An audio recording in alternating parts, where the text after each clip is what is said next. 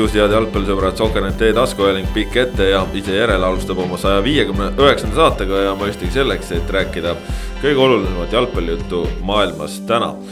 tänases saates räägime premium-liigast, sellest, mis nädalavahetusel toimus, räägime väga suures osas Eesti koondisest ja suures plaanis selline Eestile pühendatud jalgpallisaade see olema saabki.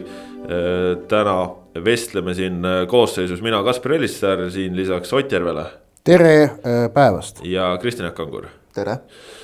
no enne kui jõuame siin äh, päris kodumaiste vutijutu juurde, siis no meistrite liiga ka ikkagi näitab endiselt, et on ütleme, et võistlussari, mis on oma nimele vääriline ja, ja reedene loosimine siit tundub ka, et toob ikkagi ütleme, et põnevust meil siia kevadesse ainult juurde no, no ütleme, maksimaalselt hea see loosimine ei olnud, maksimaalselt hea oleks olnud siis, kui oleksid äh, ikkagi kakssada. Via no, Real ja Benfica kokku läinud. just, sest see oleks tähendanud, et nende vahel oleks olnud mõlemale täiesti nagu unelmate mäng kus mängus on koht poolfinaalis ning olukord säärane, kus mõlemal on midagi kaotada. mitte see, et kui nad nüüd mõlemad lähevad oma veerandfinaalis platsile, kummalgi pole midagi kaotada. ja oleks olnud nõnda öelda kolm superpaari. nüüd meil on ikkagi superpaare on ikkagi kaks, Chelsea Real ja Man City Atletico. et, et äh, noh, Liverpool, Via Real ja, ja Bayern Benfica, noh, need superpaarideks ei liigitu ikkagi. noh, väga, väga head korralikud matšid tulevad, ma, ma arvan, et kumbki ei tule liiga ühepoolne Äh, aga, aga noh, oleks väga üllatav, kui Bayern Liverpool sealt kahe mängu kokkuvõttes edasi ei läheks, et ühes mängus võib veel juhtuda.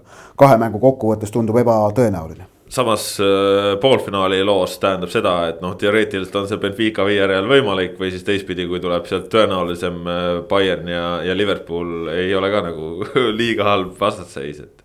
ja ei, seda küll jah, jah, aga noh, see, et poolfinaalides on väga head paarid, noh, see on nagu niikuinii teavad, seal, seal, seal on vältimatu. mis natuke igavaks teeb võib-olla sel aastal noh, üldse selle veerandfinaalide koosseisu on see, et äh, kolm klubi Inglismaalt, kolm klubi Hispaaniast, et äh, et see, see natukene on alati see, see, see koht, et noh, okei okay,, tublid olete, aga, aga tahaks nagu natuke sellist rahvusvahelisemat pilti näha seal, aga, aga noh, see on, see on selles mõttes paratamatu, et Inglismaa ja Hispaania on, on juba tükimat aega tegelikult kõige edukamad et.... Itaalia ikkagi põrus. Itaalia põrus ja sel aastal ja mitte ainult ja. Äh, meistrite liigas, vaid üldse vaatad kolme eurosarja peale kokku.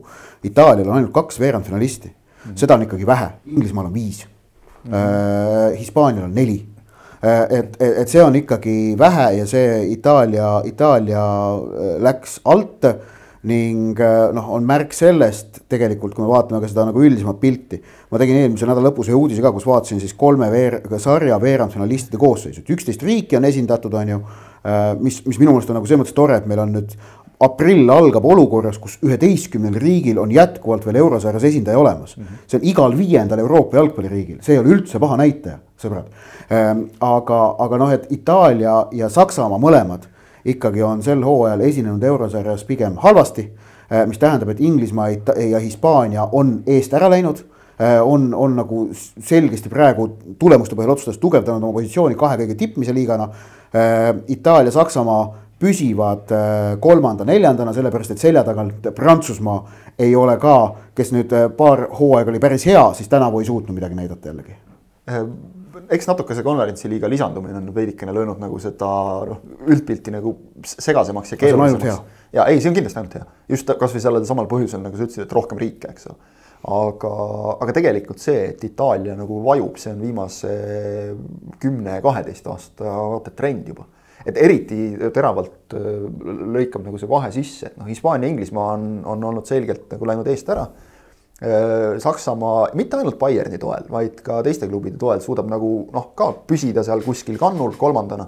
ja, ja kui vaadata just näiteks meistrite liiga nagu veerandfinaale, siis sealt tuleb nagu Itaalial sein ette üsna selgelt. et, et seal, seal on nii, et nad on pigem on Prantsusmaaga sama pulga peal. et see, see, see on just nagu üllatav ja just see, et, et Juventus oli siin kaks aastat või kaks korda vahepeal finaalis, eks ole aga, aga peale nende ei ole, ei ole nii kaugel, Rooma oli, oli ühel aastal, kui nad mängisid Klaavani ja Liverpooli vastu poolfinaali, eks ole, siis nad olid poolfinaalis.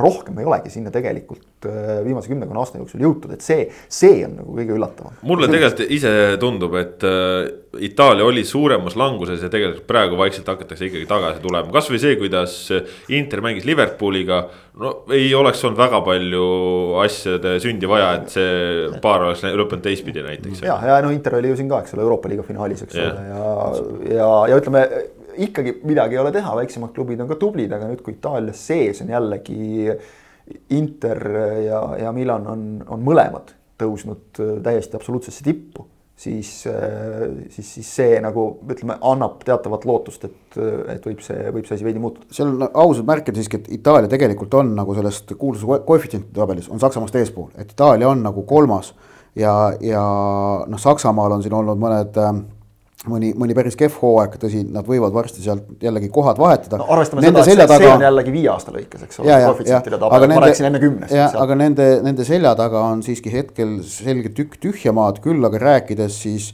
käimasolevast hooajast, siis seniseks, seni praeguseks hetkeks kogutud punktide põhjal äh, juhib Holland no. aga, aga neile tuleb kasuks see, et neil oli viis esindajat eurosarjas ehk et nende punktid, mida võistkonnad on teeninud, jagatakse viiega, et saada see näitaja sinna tabelisse. Äh, Inglismaal on seitse esindajat, nende omad jagatakse seitsme, nemad on teisel kohal. Äh, siis järgneb, kolmas on veel hetkel muuseas Prantsusmaa, neljas Hispaania, äh, viies Itaalia, kuues Saksamaa ja seitsmes Portugal no äh, siit on ju tegelikult äh, väga lihtsad äh, näited ka, kuidas see on kõik kujunenud.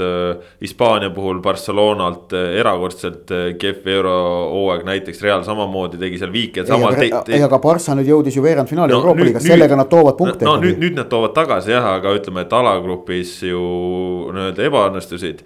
ja, ja teistpidi ajaks tuli ju näiteks meistrite liiga ajagrupist puhaste paberitega kuus võitu, noh, et see on ikka väga haruldane ja, ja seda see koef seal tõuseb ka. Hollandil on siis kaks konverentsi liiga ka veerandfinalisti, selle pealt nad, nad saavad neid punkte, aga no ilmselt nad sinna tippmisele kohale ei jää, et ikkagi Inglismaa, Hispaania kõigi eelduste kohaselt jaotavad selle tipu ära, sellepärast et noh, nad on juba omavahel kahes paaris vastamisi meistrite liiga veerandfinaalides, mis tähendab, et noh, sealt tulevad poolfinalistid emmale-kummale. eelmisest neljast hooajast kolm on võitnud äh, koefitsiendi punktide osas Inglismaa ja ühe, see oli siis see koroonahooaeg, kus mängiti finaalturniir Portugalis, äh, selle võitis Hispaania ja, no läheme nüüd Eesti jalgpallijuttude juurde, meilegi nädalavahetus pakkus nii mõndagi põnevat ja ütleme, et Premium-liiga voor algas kohe tõelise maiuspalaga, Nõmme Kalju ja Tallinna FC Flora mängisid Sportland Arenal väga heas õhkkonnas väga mõnusas atmosfääris. hooaja parim mäng äh,. täpselt ühe ilmselt tõesti parima mängu, et see, mida platsil kvaliteediliselt pakuti premium-liigas, pole ilmselt konkurentsi olnud sellele.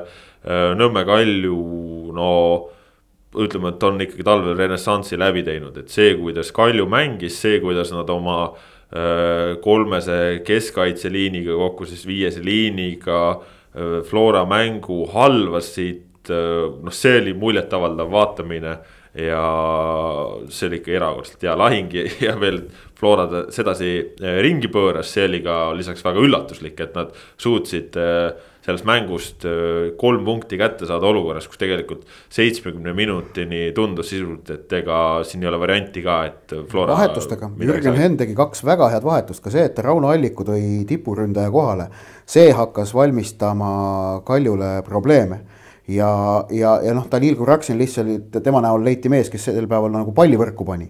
aga, aga Alliku tegelikult äh, ikkagi tõmbas seda Kalju kaitset laiali, aga teine asi, mis, mida Flora veel tegi, oli siis see, et nad, nad tõstsid oma äärepoolikud natukene allapoole ja, ja, ja seeläbi ka äh, tekitasid siis sinna Kalju äärekaitsjate taha need ruumid, kuhu Alliku tööle, töötama hakkas, näiteks üks-üks värav tuli ka sellest, et Allikul oli paremal äärel ruumi ja, ja oli sellega, et noh, Flora oli oma parema ääre toonud allapoole, mis tähendab, et äh, Kalju vasakkaitse ei saanud nii all olla, seal oli see ruum, Alliku läks sinna, võitis duellid, andis söödu, Kuraksin lõi ära. no see oli, ütleme, seal tuleb ikkagi ka Konstantin Vassiljevit kiita, see, kuidas ta selle palli seal vastasest üle tõstis ja siis äh, ja. pani söödu sinna, noh see.... ütleme, et selleks ei pruukinudki mitte keegi valmis olla nagu. see oli, see oli fantastiline, see on see, et selle, see on nagu noh, mille kohta öeldakse, et ei saa kaitsta aga ei saa kaitsta yeah. sellist olukorda, sa ei saa nagu valmis olla selleks, see on lihtsalt ründemängija geniaalsus. aga, aga Alliku, ma ütlen põhjusega loomulikult ja kiitus Kuraksinile tõesti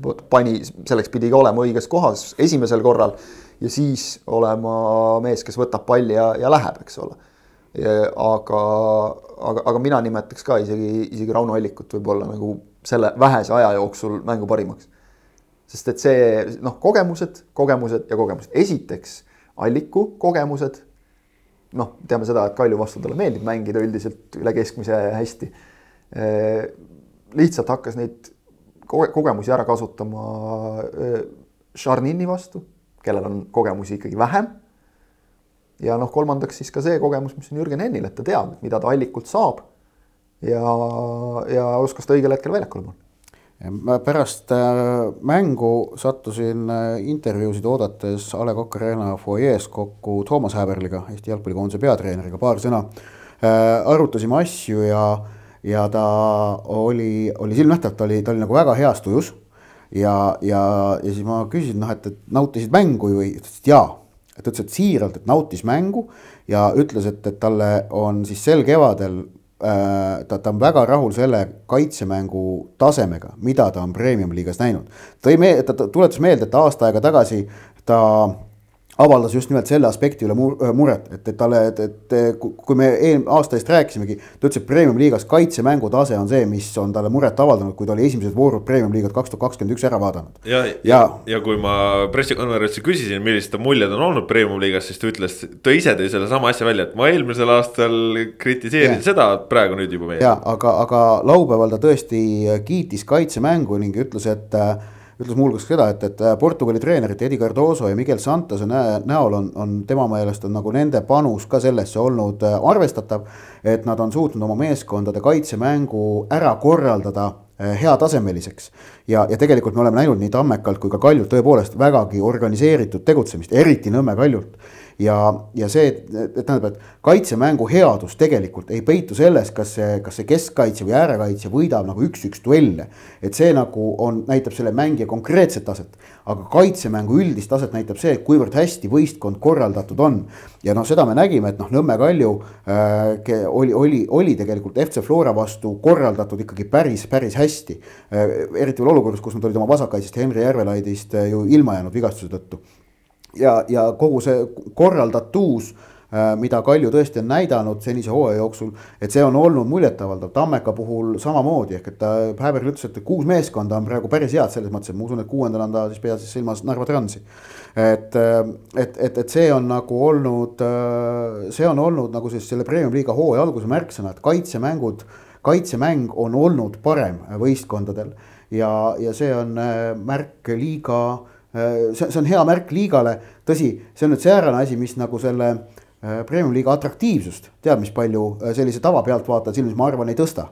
sellepärast, et sellist nagu bling-bling väärtust tugevam kaitsemäng endas ei kanna.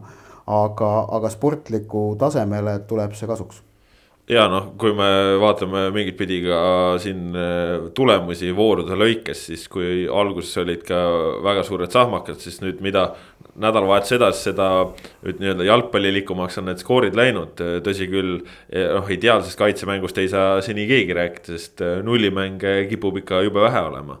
Aga Flora puhul äh, oli tegelikult äh, päris üllatav, et nad seda keskvälja nagu üldse käima ei saanud ja, ja Martin Miller, kes seni oli olnud eelnevates voorudes no ikka silmapaistvalt hea, lõigati sisuliselt mängust välja ja, ja Kalju noh, mitte siis ainult ei, ei valitsenud seda, mis toimus, ütleme siis nende vahetult väljaku ees. aga tegelikult keskväljal sõid Flora päris hästi ära, noh rääkimata siis ongi rünnakust. German Schlein tegi väga isuka esituse. just, just tahtsingi teda, teda välja tuua, samas teistpidi äh, mulle väga meeldis võitluspaar Tamm versus Tamm, et. ja seda oli äge vaadata ja ega Alex Mattias Tamm tegelikult ju ülearu palju duelle nüüd Joonas Tamme vastu ei võitnud.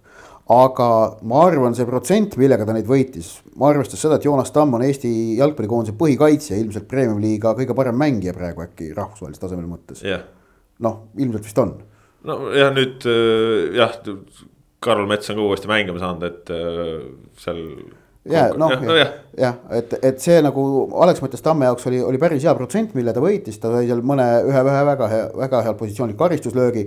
ja tähtis oli see, et ta pakkus Kalju ründemängule seda toetuspunkti, seda, seda, seda pesa seal vastase või noh, seda sellist nagu sillapead millele sai Kalju oma ründamängu toetada, ta sai selge ees äh, värava poole mängides keskjoone kandis, sai hakkama sellega, võttis palli omaks, jätkas kõrvale ja, ja hoidis seda rünnakut tempol üleval. see on ülitähtis niimoodi, kui mängida organiseeritud kaitsemängu seal allpool ja, ja sealt tuled sealt nagu proovid kiirelt ja söötudega rünnakule jõuda, mida Kalju tegelikult päris edukalt tegi. see on ülitähtis, et, et see sillapea, see ründajast sillapea suudaks seda mängu hoida üleval ja jätkata, see on see, mida Henri Anier tegi mullu vajadusel Paide linnameeskonna jaoks. ja nüüd me nägime Alex-Mattias Tamme tegemas sedasama mängus Floraga. Nii et äh, see oli, see oli tubli esitus ka temalt, et me praegu siin kiidame Nõmme Kaljut üks-kaks kaotusmängus.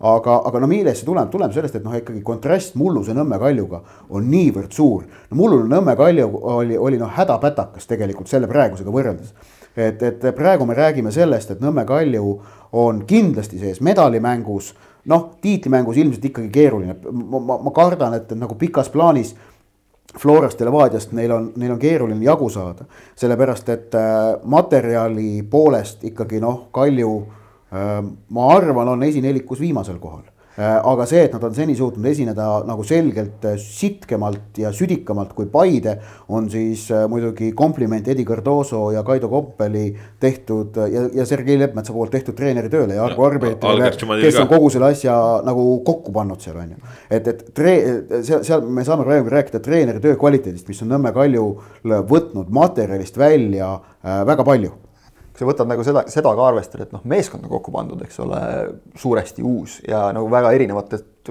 kohtadest toodud tükkidest.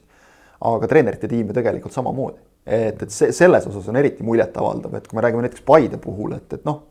Karel Voolaid, uus peatreener, lähebki aega natukene, mis ongi loomulik, siis eriti näiteks sellega võrreldes Kaljul on, kus meeskond, meeskonna koosseis on palju rohkem muutunud võrreldes Paidega, on asjad nagu palju paremini paigas, see eh, eelmisel aastal mängiti ju ka väga palju noh, ikkagi nagu kaitsest, võib-olla... kaitsest lähtuvalt kõik see, aga seda, see mängulust, mis on praegu kõikides nendes meestes, selle on suutnud see, see treenerite tiim eh, väga hästi luua ja, ja see, seda on äge vaadata, et isegi kui tuleb ka kaotus, siis eh, noh, sa saad aru, et see meeskond teab, mida nad teevad, nad naudivad seda, mida nad teevad ja see on, on minu meelest kõige suurem samm, ma isegi võib-olla alg üheteistkümne osas ei tõmbaks nagu nii suurt vahet, aga vahe tuleb sisse seal, kui vaatad äh, pingi pikkust ja sügavust just nimelt mängijate kvaliteedi mõttes, et seal on isegi Paide, on äh, rääkimata Florast ja Levadiast, on Kaljust praegu veel selgelt ees, aga arvestades, kust Kalju tulema hakkas eelmise hooaja järel Nad olid ikka päris sügavas augus. kolmkümmend kaks punkti kaotust Levadiale, kolmkümmend, ei Florale kolmkümmend kaks, Levadiale kolmkümmend kolm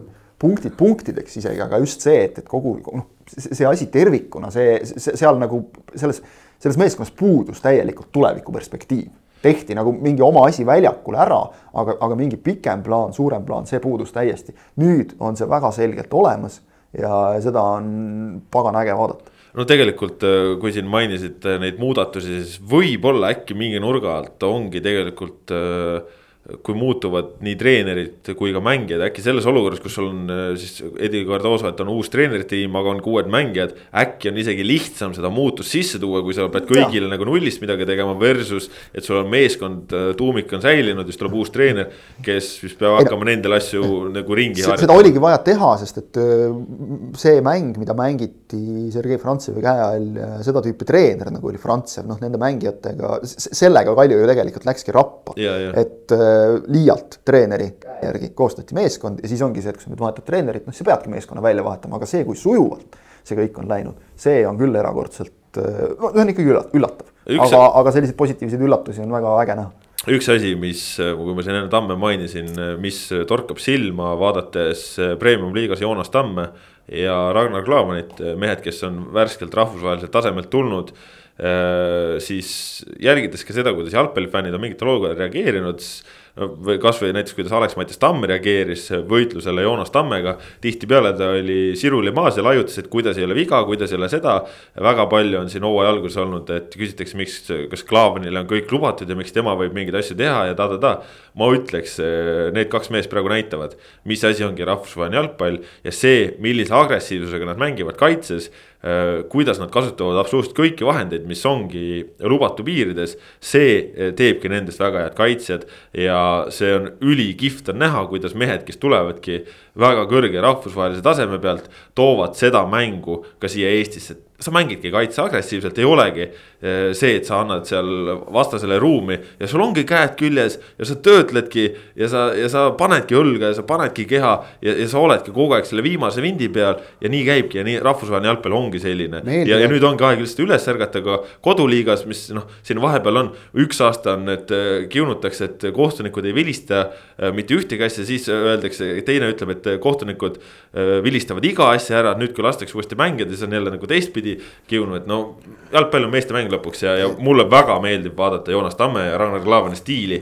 mis ongi, ütleme, pakatab kõrgest rahvusvahelisest tasemest. no nonsense öeldakse selle kohta. Eh, me oleme selgelt praegu, ma ütleks selle nelja vooru põhjal küll, et eh, kohtunikel on, eh, neile on antud juhtnöör ja nad ise ka tahavad vältida kergete vigade vilistamist. seda on, seda on nagu küll näha, et, et selliste lihtsate kontaktide eest pigem nagu vigu ei anta noh, nüüd on küsimus see, kas seda suudetakse ka järgmised kolmkümmend kaks vooru seda joont hoida ja, ja kuidas, kuidas mängijad, kuivõrd vastutustundlikult suudavad mängijad selle äh, lubatuse nivooga ümber käia, et seal on alati on, on ka see, et, et sõltub väga palju ju mängijate professionaalsusest ka see, kas selle äh, liiniga, mida kohtunikud hoiavad käiakse ümber nii, et ei hakata ohustama vastase ja iseenda tervist, et see on, see on nagu alati ka üks asi, mida kohtunikel tuleb jälgida. et, et kui nagu ähm, noh, lasta mängida näiteks premium-liigas äh, sama jõuliselt, nagu lubatakse mängida Premier League'is või Bundesliga's või La Ligas siis ilmselt oleks äh, kanderaam äh, viiks kaks-kolm meest mängu jooksul väljakult ära niimoodi, et nad on paar kuud väljas. sellepärast, et noh, seal niivõrd suurte, tähendab, et selle suure jõu rakendamiseks on vaja ka oskust ja taset e, ja ka sellele vastu saamiseks, et seal on, seal on see küsimus ka. meenutan ühe Eesti äh, tippkohtuniku lauset ühele Eesti tippmängijale, kes ka kurtis pärast mängu, et miks sa ei vilista nii nagu Euroopas. ja sai vastuseks lause, et kui ma vilistaks nii nagu Euroopas, siis oleks plats poole pealt tühi juba et see, see on lihtsalt see, eks ta ongi selline noh. see balansseerimise no,. noaveral balansseerimine, vaata siin hakkab see ka nagu rolli mängima, eks ju, et see on, miks see on vajalik. meie kohtunikud, ütleme ikkagi vahepealse noh, teatava pausi järel nüüd ikkagi vilistatakse Euroopas nagu päris korralikul kõrgel tasemel mängija nagu mitmekesi juba, mitme brigaadiga. aga selleks, et seal hakkama saada, on ju vaja igapäevaselt kogeda ka premium-liigas sellist noh ütleme ikkagi jõulisemat, võitluslikumat joont. Loomulikult tuleb see nüüd tõmmata nagu mängijate oskuse tasapinnale, aga, aga suures plaanis suund kui selline minu meelest on, on igati õige. ja nädalavahetusel, mis oli jälle sihuke väike kõneaine, oli Paide linnameeskonna mäng äh, Tartu Tammekaga. me rääkisime siin juba ka Paidest põgusalt ja Tammekast ka põgusalt, aga aga Paidel oli jälle, oli raske, oli kangutamist eh, ja siis lõpuks, mis on võib-olla kõige olulisem, et ikkagi kolm punkti võeti ära ja, ja tabelis nüüd siis eh, seitsme punkti peal on ju, et. Eh. no seda oli vaja neil praegu enne koondise pausi, et oleks praegu pausile mindud ka nii, et sa oled Tammekas tabelis tagapool, mis Viigi puhul oleks, oleks jäänud nii, siis, siis oleks natukene liiga palju ebameeldivaid küsimusi olnud. Paide mäng ei ole veenev, aga samas meil on neli vooru mängitud.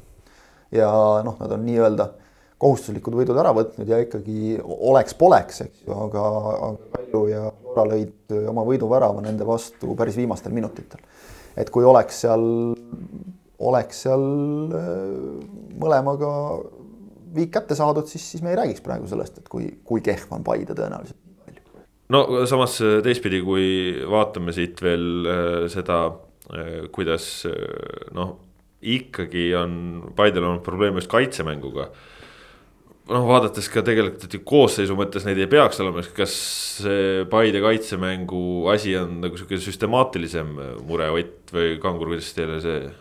minule ei tundu nagu, et, et ta nüüd nagu tohutult süstemaatiline on, sest noh, jälle no see on nagu kuidas võtta, aga et noh, kui, kui on selline olukord nagu kus Tammeka lõi eile esimese värava, et tuleb äärelt senderdus ja pallil lastakse karistusalas maha põrgata siis noh, ma, ei tea, kas see nüüd on nagu asi, mida peaks nagu trennis kuidagi rääkima või harjutama, et see, see jääb minu meelest ikka natuke selle taha, et, et et keegi peab vastutuse võtma ja, ja see on, see on tõesti kummaline, arvestades, et kui sul keskkaitses on Klaavan ja Jussif, kes noh, on mõlemad nagu Paides mänginud, on koos mänginud.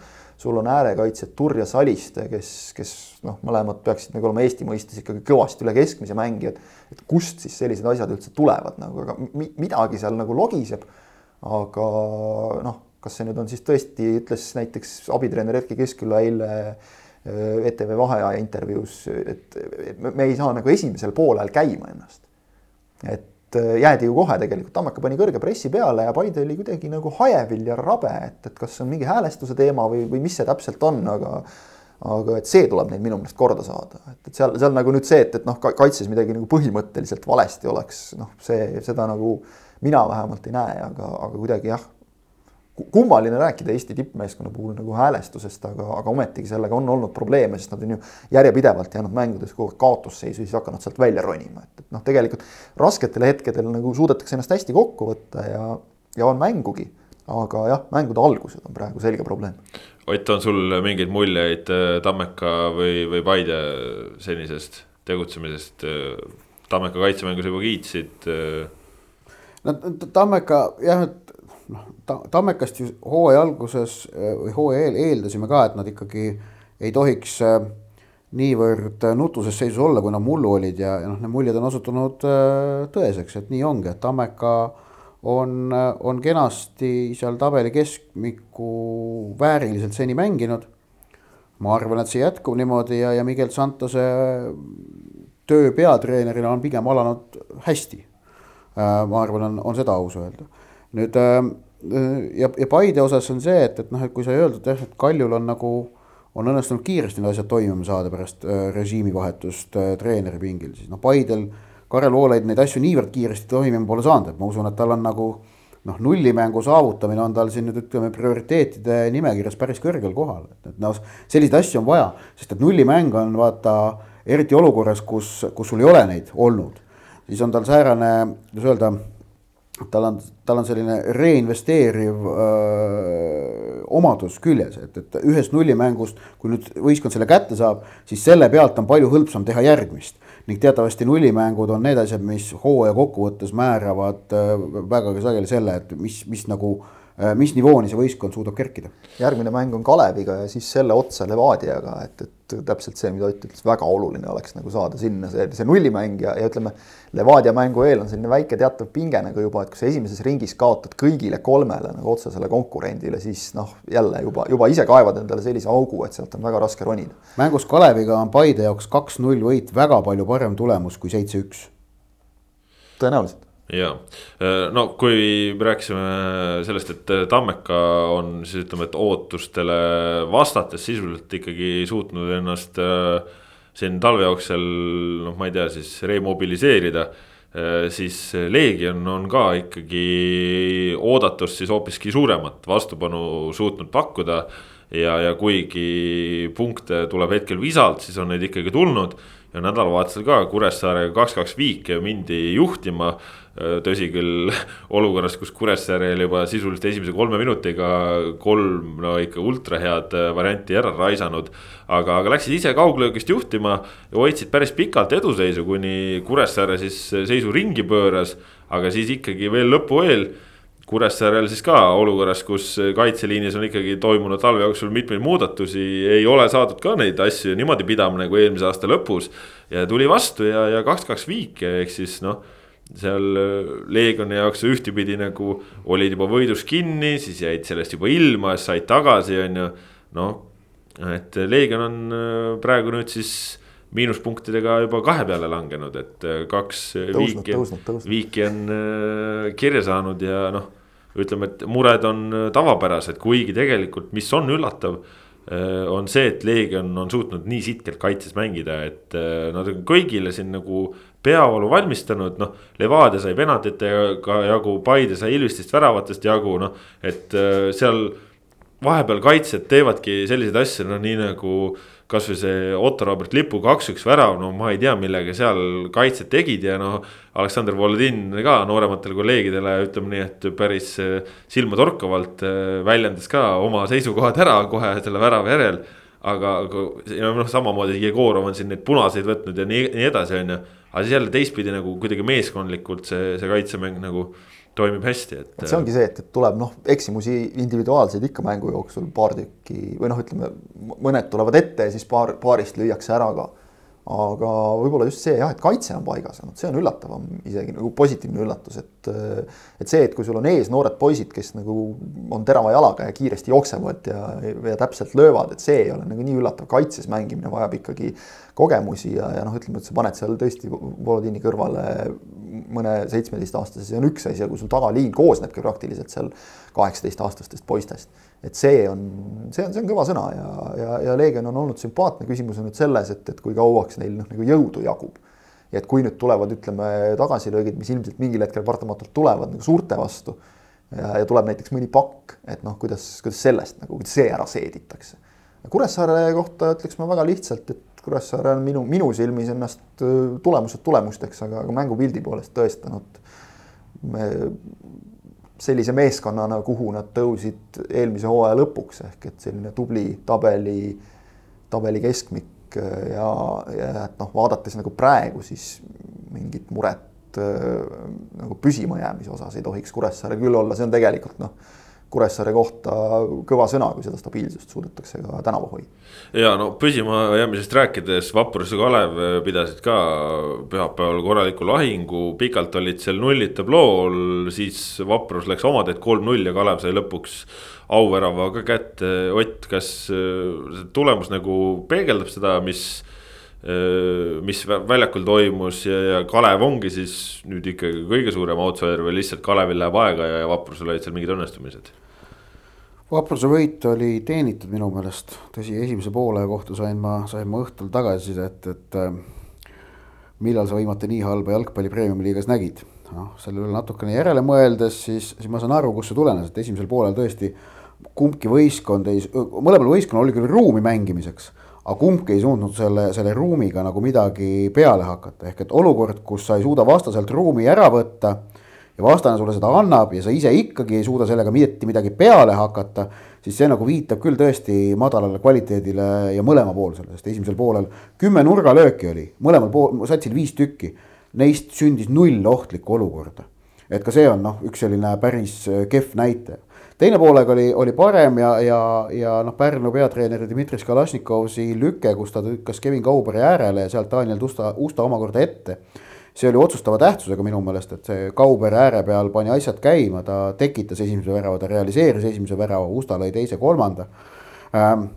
ehk et Pärnu, Pärnu sai nagu asjad käima, Kalašnikovs oli, oli, oli mängu järel, ta oli, ta oli kuri ja rõõmus, ta oli noh, rõõmus muidugi võidu üle, aga teda väga ajas närvi see, et, et, et lubati Kalevil lõpus üks värav lüüa, Vadim Mihhailov vist yeah,. Yeah. et, et ta oli nagu nullimängu seadnud meeskonnale eraldi eesmärgiks, tuues välja, et, et et Pärnu Vaprus vist oma ajaloos on suutnud äh, premium-liigas mõne üksiku nullimängu teha, et, et, et see nagu oli, oli tal nagu suureks, suureks eesmärgiks olnud, noh, see nüüd ei õnnestunud. aga ta nõustus kahtlemata, et, et see oli nagu noh, samm õiges suunas ja, ja, ja noh, ma ise nagu näen seda niimoodi, et Pärnul ikkagi veel seda parandamisruumi selle koosseisu, koosseisu arvestades ikkagi on, jagub veel omajagu et, et ma usun, et Pärnu, Pärnu, mulle, ma prognoosin vist hooajal kaheksandat kohta, ma arvan, et see on neile jätkuvalt täiesti reaalne see koht saavutada aga Kalevi puhul oli siis lihtsalt, et siin on vaja aega, et nii nagu nad ise räägivad, et maikuuks, kui mängima saavad, et siis on nagu võistkond.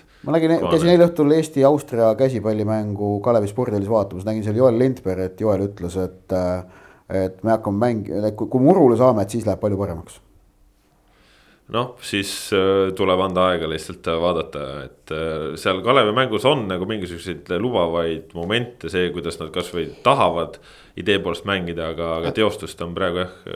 avapoolel, avapoolel oli minu meelest Kalevi rünnakud olid nagu kuidagi mõtestatumad, neil küll tuli jah, sama vähe välja nagu Pärnulgi, aga Vaprusel nagu ei olnud plaani, aga vaat teisel poolel lagunes mäng ära ja noh, vist Anniste sellele ka viitas, eks. Aivar Anniste viitas ka sellele, et, et Kalevil noh, need noored mehed, kellel paljudel meistriga kogemust ei ole, mõnedel on, aga enamikel ei ole ju.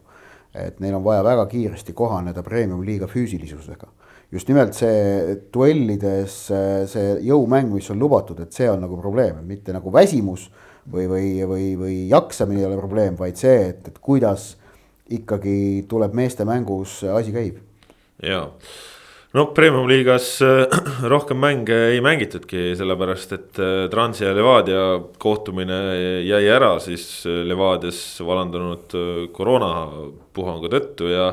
Ja tuli ta päris ootamatult, et siin juba neljandas voorus oleme siis olukorras, kus tegelikult noh, Levadia kelle koosseis on ilmselt kõige rikkalikum ja, ja paksem, palus siis mängu edasilükkamist pluss neil oli, neil on ka duubelvõistkond olemas, no Levadia ikkagi väga, esiteks see, et noh, et väga sümpaatne see, kuidas Brent Lepistu sõna võttis Õhtulehes, ütles ta, et tema oleks tahtnud, see mäng oleks toimunud.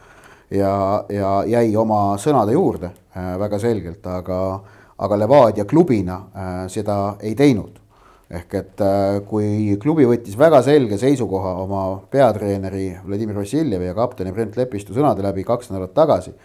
Äh, ja, ja soovis vastanduda jalgpalliliidule, äh, soovis selgelt võtta positsiooni, mis on vastupidine jalgpalliliidu omale.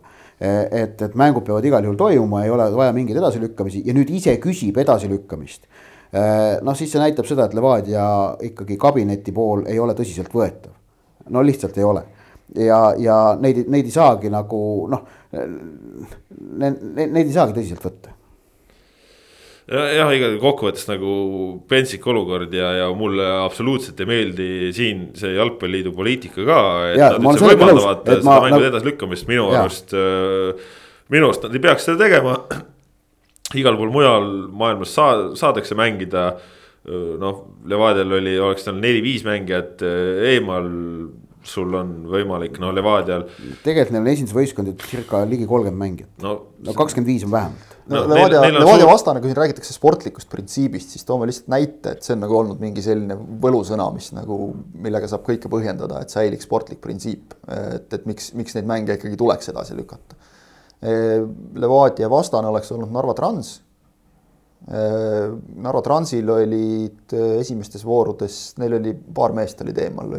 Kolm-neli isegi. kolm-neli vist isegi, eks ole, ja üks neist näiteks oli Aleksandr Zakarljuka, kes noh, täiesti vaieldamatult on Narva Transi võtmemängija. no Pavlov oli eelmisel aastal esiväravaht on ju. eks ole, et noh, okei okay,, noh, Matrossov oli võtta, eks ole, samamoodi Levadial oleks olnud vähemalt meile teadaolevalt noh, Kotenko võtta, eks ole, või, või, või noh, täpselt Tublis on ka väravavaht, eks ole, vajadusel. Et äh, jah, selles plaanis ütleme minu jaoks selle kõige taustalt nagu arusaamatu kõigepealt äh, palve. et äh, edasi lükata ja, ja minu jaoks veel arusaamatum on see, et sellega nõustuti. jah yeah. no Tallinna Kalev mängis Levadia vastu ka neli koroonapositiivset, kes Daniel Meiel ütles mängu järel, olid tal planeeritud algkoosseisu meestena, et noh Kalev suudab mängida, Trans on suutnud mängida, teised on suutnud mängida ja siis Leva-, Levadia ei suuda, et. Marko Savic lõi põnnama, oleme ausad, ütleme ausalt välja, kuidas see asi oli. Savic lõi põnnama. no Levadial, ütleme, kui sa siin duublist rääkisid, duublist on registreeritud ka Dmitri Kovtunovitš, Artjom Artjunin noh, jah, ma, ma natukene nagu, ma ei saa aru, miks Levadia tõesti nagu arvas, et nende jaoks on see nii suur probleem ja ma, ma tõesti siiralt ei mõista, miks jalgpalliliit äh, praegusel ajal ikka veel läheb ja noh, see oligi ju, see on, see oli nüüd esimene kord sel hooajal ja nüüd oligi ütleme, et tehti see olukord, esimene mäng lükati edasi, nüüd me lähemegi seda teed. meil on pretsedent olemas. pretsedent on olemas just täpselt ja nüüd kõik saavad küsida, nüüd kõik lükkavad ja no, jälle liiga on farss, mingid mängude edasilükkamine, no kelle jaoks seda vaja. ma, isegi... ma uurisin, millal on potentsiaalne variant see mäng järele mängida. karikafinaali päev, kui Trans ei jõua see on maikuu noh ei no maikuu maikuuks, aga noh, siis hakkame karikafinaali päeval veel nagu liigamängu mängima, et kogu aeg on meil räägitud klubi jalgpalli pidupäev, eks ole, samal ajal kuskil mängitakse liigat ka, et noh Inglismaal oli näiteks suur probleem siin äh, sellega, et äh, ei saadud kuidagi nagu alguses konkreetseid reegleid paika, millal me lükkame mängu edasi, millal me peame mängu ära. siis hakkas mingi õudne skeemitamine sellega, et, et noh, täpselt sul on mingi mees vigastatud, siis räägid, et vot meil ei ole mängijaid võtta, see, teine, kolmas. Nüüd, nüüd nad siis kuidagi mängivad neid mänge seal siiamaani järel, eks ole, kuigi tegelikult reeglid saadi paika noh, juba suhteliselt ammu. aga edasi lükatud mängudele lihtsalt kohta ei ole samamoodi on meie kalendris problemaatiline see, eks ole, sest et eriti sel hooajal, kus karikasarjas nagu päris paljud premium-liiga meeskonnad on endiselt konkurentsis. Noh, mis oli samas nagu täiesti selgelt ka ette nähtav, et nii läheb, aga just see, et meil ei ole konkreetseid reegleid paigas, et, et mis siis nagu nüüd on, mis on see sportlik printsiip, mis, millal see nagu kehtib, millal mitte, mis, mis selle moodustab üldse, mis, mis asi see nagu on, et siis ongi lõpuks iga kord põhimõtteliselt viskame münti, et kas mäng toimub no, või okay. ei no ongi jah, ja, ja noh, siin jah jäädki, et kuskil ongi, kellelgi on mingi koroona asi, siis hakkab, et kes siin on lähikontaktsed. kui palju neid veel siin lähipäevadel juurde tuleb, no ma ei tea noh. no hakkame ennustama, et noh, põhimõtteliselt on ju, jätame kõik mängud ära igaks juhuks, äkki, äkki nüüd siin koondise järel saab, saavad koondises käivad mehed saavad kõik äkki sealt ko koos koroona, eks ole, ja, ja jäävad eemale, et noh, niimoodi ette ennustada ju ei ei saa ju, kui sa tõesti võib-olla mängupäeval on nagu näha, et, et noh, pool satsi on väljas, noh siis, siis jätadki kaks tundi enne mängu ära selle, mis teha noh.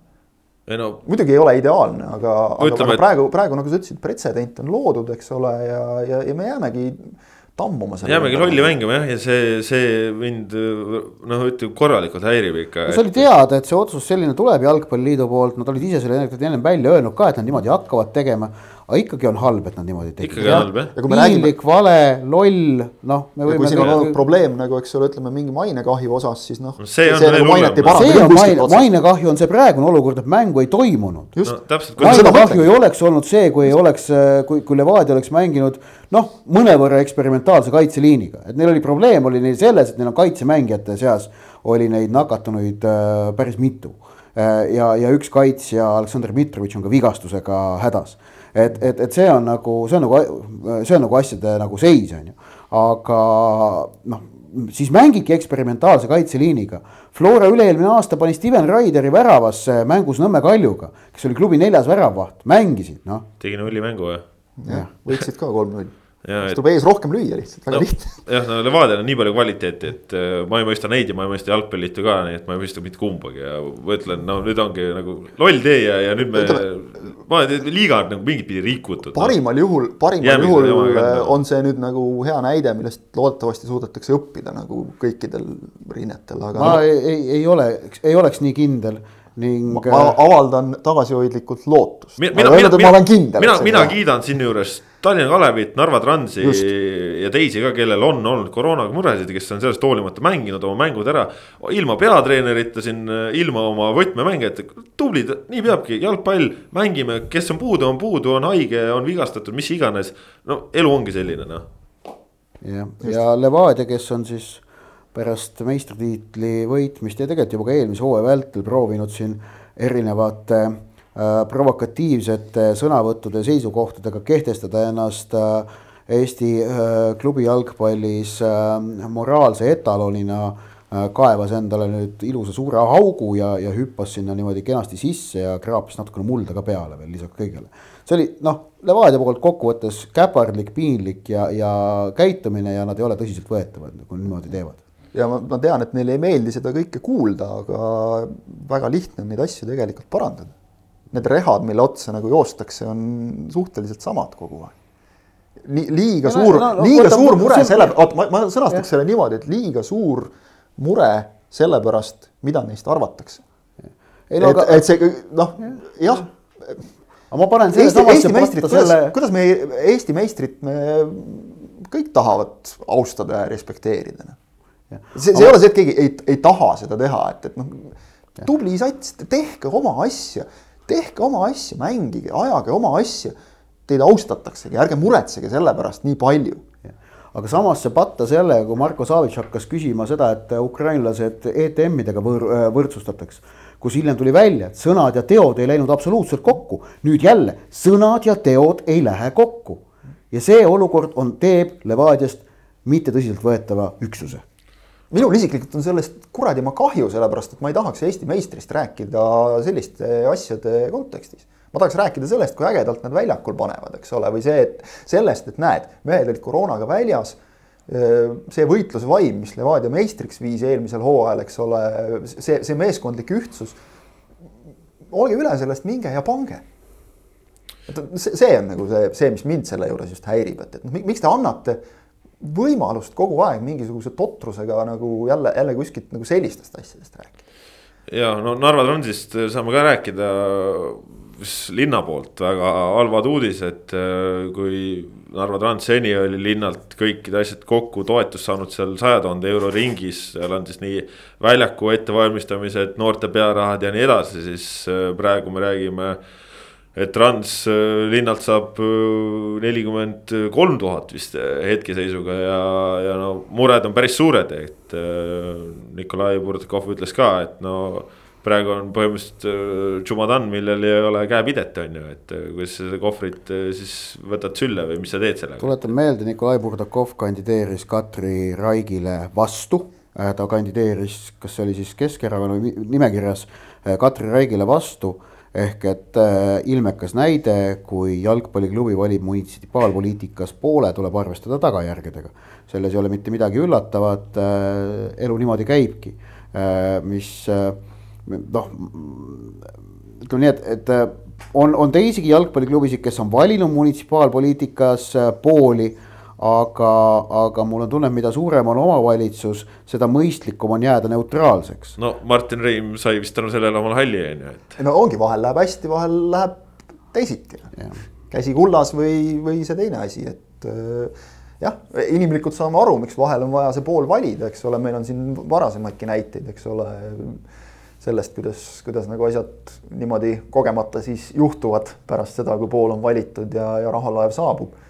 Aga noh, jah, kõige hullem, mis muidugi praegu juhtuda saaks, oleks see, kui see tõesti paneks Narva Transile ikkagi nagu põntsu nende, nende osalemisel. põntsu ta ilmselgelt paneb, aga nüüd on küsimus see, et kui nad suure põntsu. no jaa, et, et, et, et, et, et. kas seda olukorda annab ja, lahendada? jaa, et, et nad kuskile ära ei lõpetaks mingit tegevust. aga no, no mis on nüüd see laiem pilt on see, et noh, Katri Raik, nii palju kui tema sõnavõtte on ka võimalik olnud näha esiteks see, et Katri Raik on Narva linnapea, on Eesti Vabariigi jaoks hea ja tähtis, selles ma arvan, kõik nagu äh, Z-tähti mittearmastavad äh, vabariigi kodanikud on, on üksmeelel.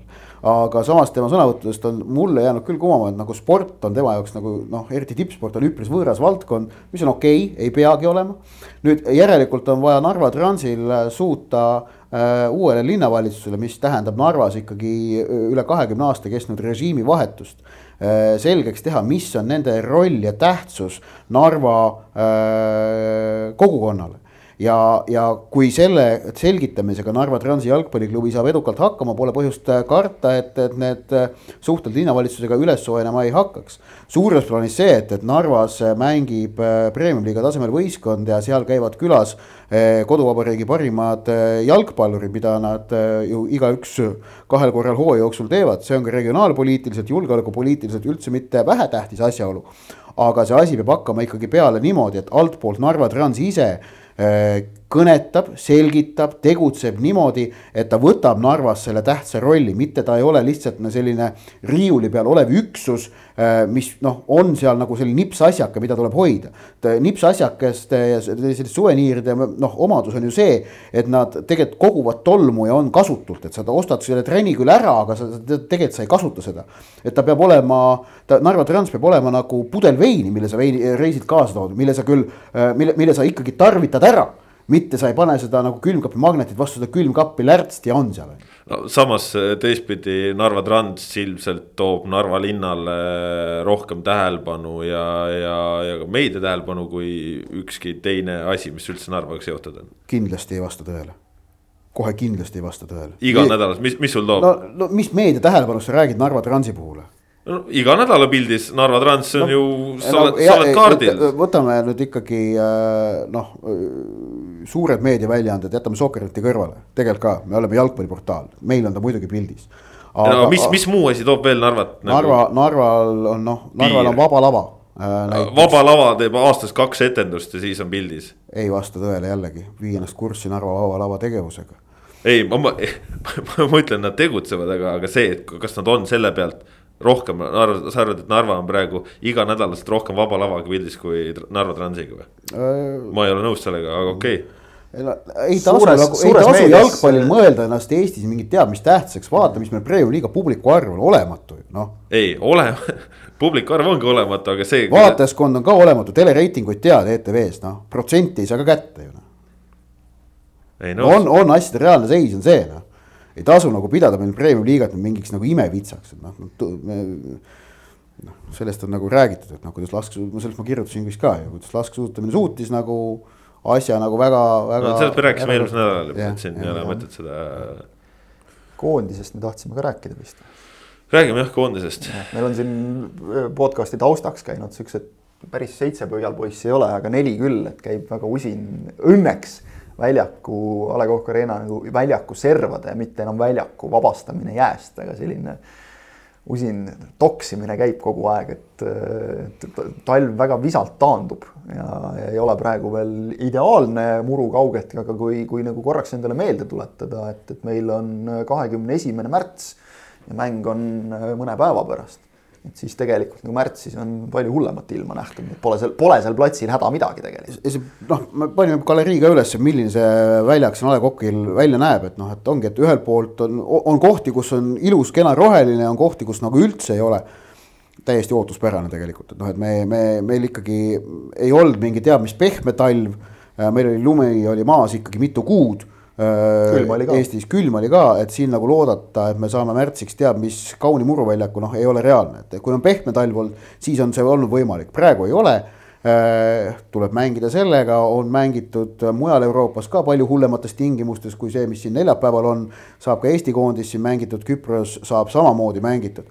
küll aga, mis siis võib juhtuda, et, et siin võib mänguinspektor võib otsustada, et, et kolmapäeval mängueelset trenni meeskonnad võistlusväljakul teha ei saa. Äh, noh, ma mäletan näiteks, kui oli Armeeniaga mäng kaks tuhat üheksa, äh, kus oli ka noh, väljaku ettevalmistamine valmistas raskusi toona. et, et toona oli ka otsus oli see, et, et mängueelset trenni võistkonnad väljakul teha ei saanud, said me teha kunstmuru peal kõrval, väljakuga sai tutvuda, ehk et seal peal noh, jalutada tavajalanõudega.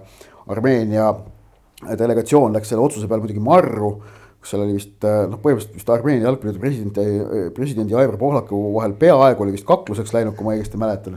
sellised mõneteist aasta tagused lood, et noh, igatahes äh, jäi ära igatahes mängupäeva hommikul see või päeval see noh, delegatsioonide vaheline lõunasöök, bankett, see jäi ära, sest Armeenia oli solvunud, mis iganes aga, aga ja Eesti lõpuks võitis selle mängu Sander Puri väravast üks-null, see oli kõige tähtsam.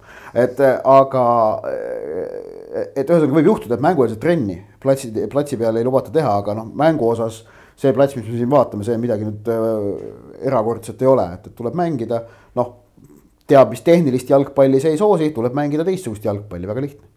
no mis äh, koondist puudutab, siis äh, nimekiri on alati asi, mis pakub põnevust ja, ja nimekirjas äh, ka veel siin täna on muudatusi.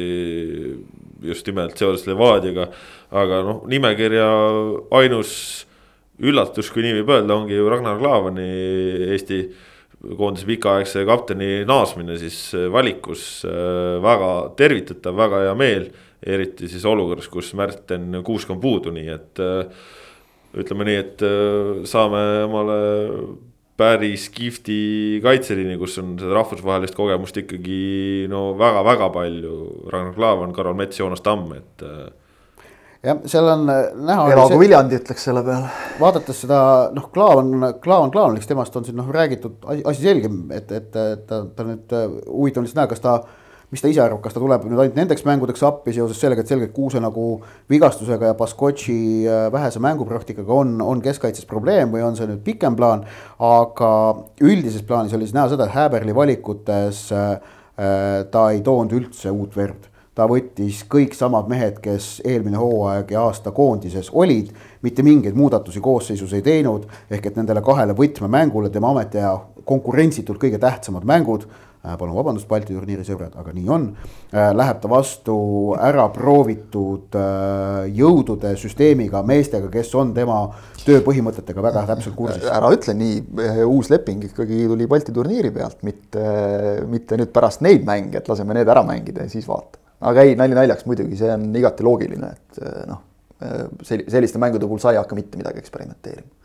Siin on neid selliseid tundmatuid muutujaid on, on niigi nii palju, eks, et noh, väljak, see, kuidas mehed on, kes on siin klubi vahetanud, kes on mängida saanud, kes ei ole saanud, kes on löönud, kes ei, ei ole löönud, keda ei ole üldse, kes, kes Eestis võib-olla ei ole alustanud nii nagu tahaks, et, et noh, neid, neid on niigi piisavalt, et pole sul vaja siin veel vangerdama hakata ja noh, ütleme nüüd tuli niigi veel selle Levadia koroona tõttu, eks ole, ka juurde, et noh, Artur Pika pikk esimeses mängus kindlasti ei mängi, teises noh, ülimalt kahtlane minu silmis, et, et kas tal seal mingi suur roll on, kui ta ei ole ju trennigi saanud teha normaalselt, eks ole. no samas jälle ütleb, et kui ta haigus kulgeb nagu kergelt, siis on viis päeva ja, ja no, jah, no sõltub jah, eks ole, aga, aga noh, kasvõi juba see, et ta ei saa kohe algul treeningutega liituda, eks ole, ja kõik see ikkagi paratamatult natuke kahandab ta, ta ei ole nüüd ka võib-olla nii võtmemängija Eesti koondises no,, eks ole. aga et... selles mõttes ta oli väga hästi alustanud hooaega, ehk siis seda ta nagu silmapaistvalt hästi alustanud hooaega, et. et muidu võib-olla oleks öeldud, et noh, okei okay,, jääd kõrvale ja võetakse teine mees, et, et see nagu näitab ka natukene, et tema järel nii-öelda oodatakse, eks ole, noh, Bogdan Vassiuki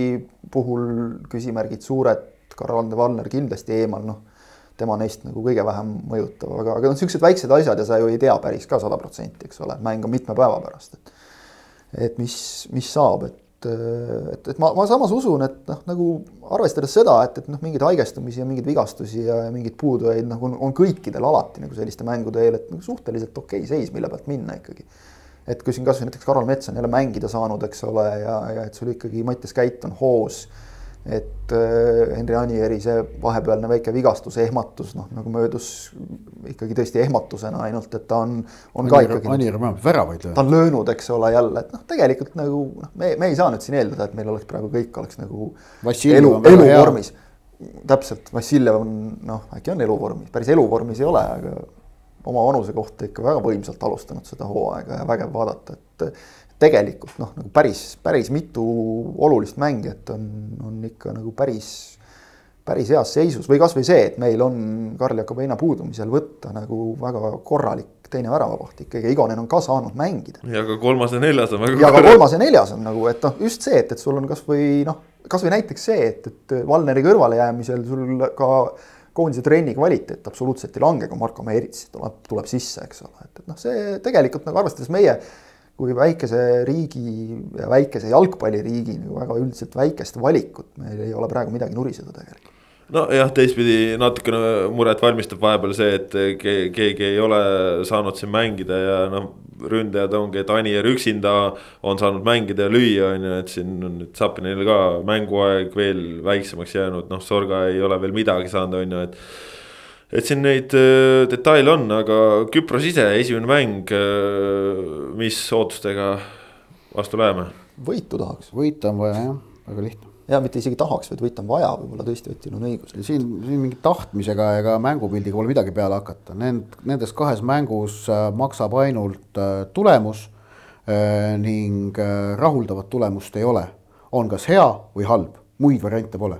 kui jäädakse C-divisjoni püsima, on hea kui ei jääda, mitte mingeid vabandusi ei ole, on halb, see on põrumine ja see on piinlik, kui välja kukutakse ja no loodame siis, et äh, esmalt äh, neljapäeval tuleb ilus õhtu kell seitse Tallinnas A Le Coq Arena'l. ilm võib-olla nüüd maailma kõige kevadisem ei ole, aga, aga. Pole häda midagi. sademeid ei lubanud, ma vaatasin praegu. et see on juba hea eeldus, mingisuguseid piiranguid ei ole, ehk siis. väga tähtis on see, et mäng hakkab kell seitse, et siin noh, terve eelmine hoo aasta oli ju koondise mängude puhul ka nende argipäeva õhtuste mängude oli häda, et need hakkasid kakskümmend üks, nelikümmend viis ja lastega pered ei saa tulla vaatama kakskümmend üks, nelikümmend viis mängu argipäeviti, noh. tegelikult ei saa üldse tulla, aga üheksateist null null saab ja, ja noh, see on, see on Eesti koondise jaoks no võtmetähtsusega, mul endal sõbrad äh, lastega ütlevad, mitmed praegu ütlesid, et ahah, kell seitse ja äh, plaan on tulla äh,. mäng oleks kakskümmend üks, nelikümmend viis, noh, poleks mingit varianti ka, et nad tuleksid. ja ehk siis tribüünidel loodame head toetust, loodame koondiselt head mängu ja ja eks siis äh, uuel nädalal on juba podcast'is äh, päris koondisjuttudega koondisasjade keskelt, nii et äh, saame siis näha, milliseks need jutud kujunevad, selline oli pikk ette ja ise järele saja viiekümne üheksas saade, saate teid teinud Kaspar Elisser, Ott Järvela ja Kristina Kangur, kuulake meid jälle ja loodame siis, et Eesti on võidukas